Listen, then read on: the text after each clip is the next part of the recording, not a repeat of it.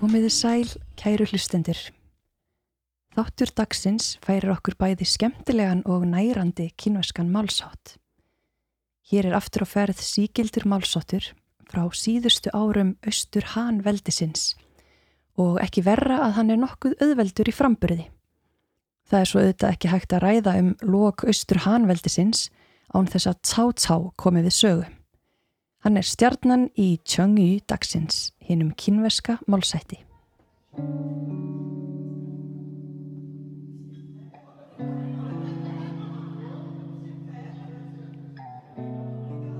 Ég heiti Þorgerður Anna Björnsdóttir og þú ert að hlusta á hlaðvarpið í Östurvegi.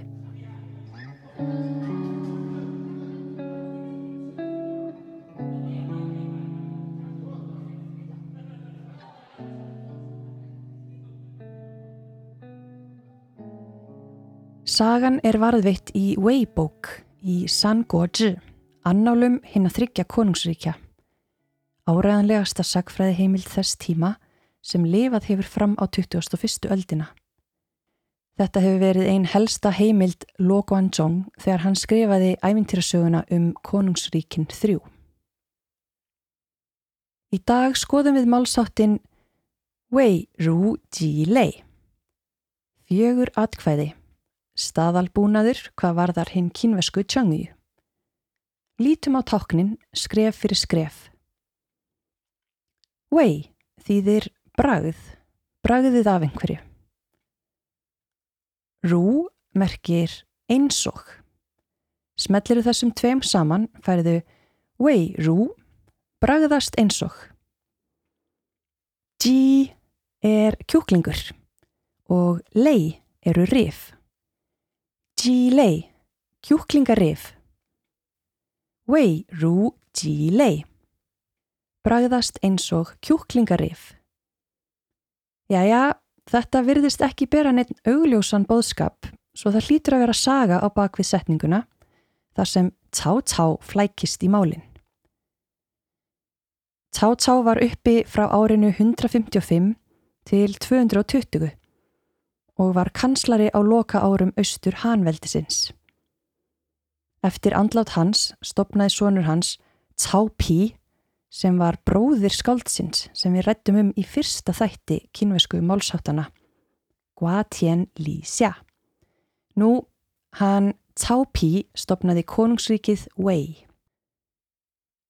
Wei-ríki var eitt af þremur ríkjum sem börðust til að völdum yfir saminuðu landsvæði sem við köllum Kína. Miðríkið, eins og kynvirar kalla landsitt, skiptist þarna upp í þrjú aðskilin ríki sem héttu Wei, Shu og Wu, kölluð konungsríkin þrjú.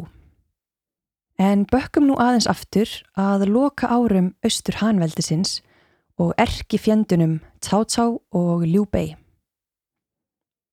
Sagan á bakvið Wei Ru Ji Lei gerist í Shanxi héræði, aðalega í kringum borgina Hanzhong.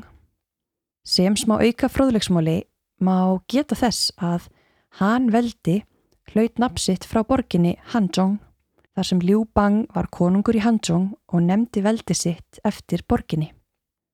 Svo þaðan sprettur líka heitið á þjóðflokki Hankínverja. Tá Tá náði borginni fyrst á sitt vald árið 215 af Liu Bei leiðtoga Sjúríkis en Sjúríki var staðsett í suðvestri þar sem nú er Sittvan hérað. Eftir að Tá Tá náði Hanzhong hörfaði herr Liu Bei aftur til höfuðstöða þeirra í Sittvan. Þegar Cao Cao áleit að átökinu væri af staðin, taldi hann örugt fyrir sig að snúa heim til bækistöðu hans í Yechang í Höbei héræði. Þegar Cao Cao var farin frá Hanzhong, fór Liu Bei strax að ráðgera hvern hann geti náð borginni aftur á sitt vald. Höstið 218 hrindi hann áallininni í verk og tókst það. Hann náði borginni og eftir hann var búin að riðja herr Cao Cao út úr Hanzhong settist hann aftur á stall sem leiðtogi. Tá Tá var ekki sáttur við þetta og sagði herfóringum sínum að búa sig undir að herrtaka borgina á ný. Það reyndist þó engin hæðar leikur. Eftir nokkrar erfiðar tilrunir gekk kvorkinni rak að rekja Liu Bei og Xu herin frá Hanzhong.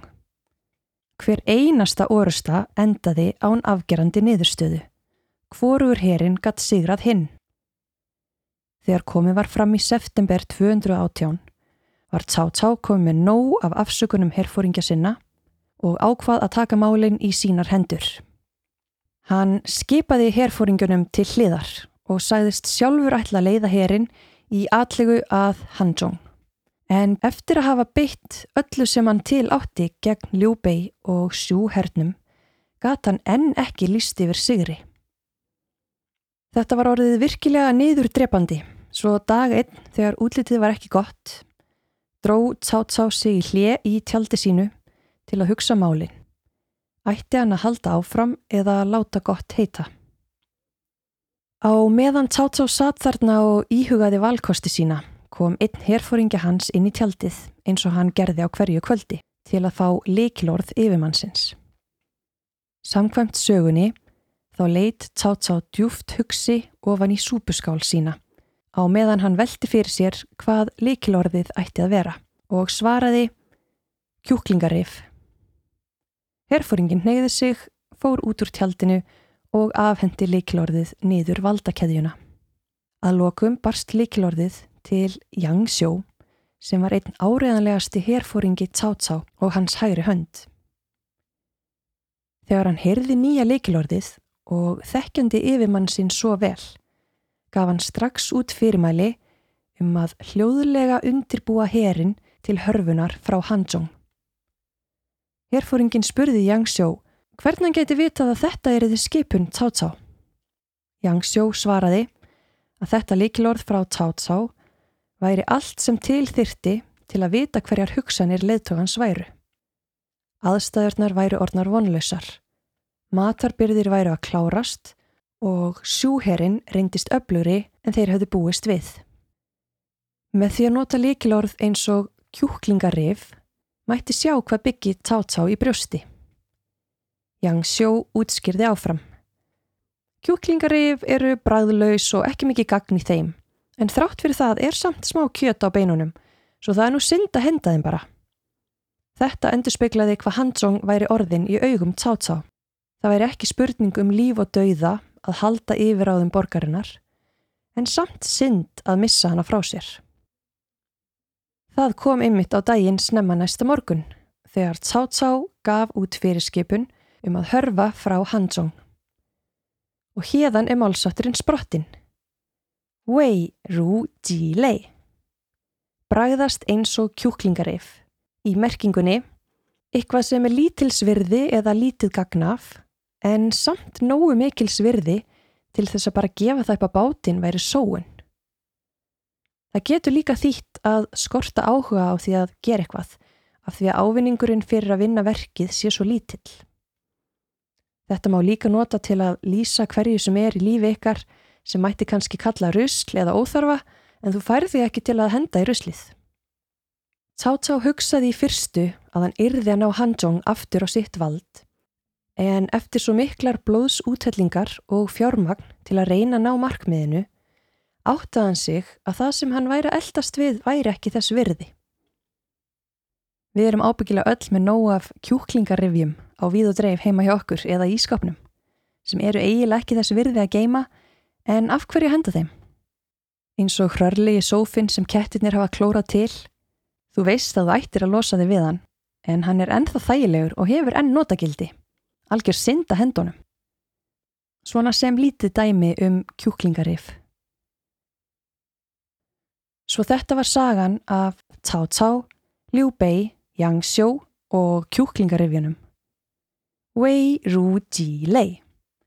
Ekki mikið notagildi í einhverju, en syndað henda því.